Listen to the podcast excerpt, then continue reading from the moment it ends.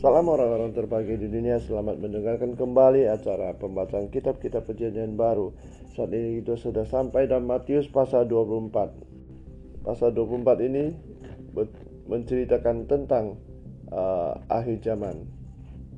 Dari pasal ini Yesus mengingatkan kita bahwa akan timbul banyak nabi-nabi palsu Akan muncul dan mengaku dia sebagai Mesias yang akan banyak menyesatkan banyak orang dan Tuhan suruh kita waspada dan hati-hati. Dan akan dengar juga kabar perang kerajaan melawan kerajaan bangsa lawan bangsa. Dan juga akan ada penyiksaan atau penindasan kepada orang-orang yang beriman. Dan akan timbul uh, bertambahnya kedurhakaan. Dan kasih orang akan menjadi dingin.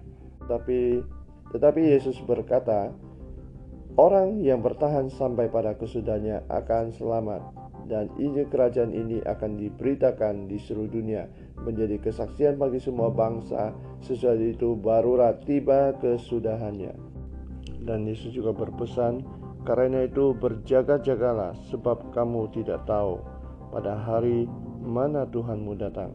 Tetapi ketahuilah ini jika tuan rumah sudah tahu pada waktu mana pada malam hari pencuri akan datang, sudahlah pasti ia berjaga-jaga dan tidak akan membiarkan rumahnya terbongkar. Sebab itu hendaklah kamu juga siap sedia karena anak manusia datang pada saat yang tidak kamu duga. Tuhan Yesus memberkati.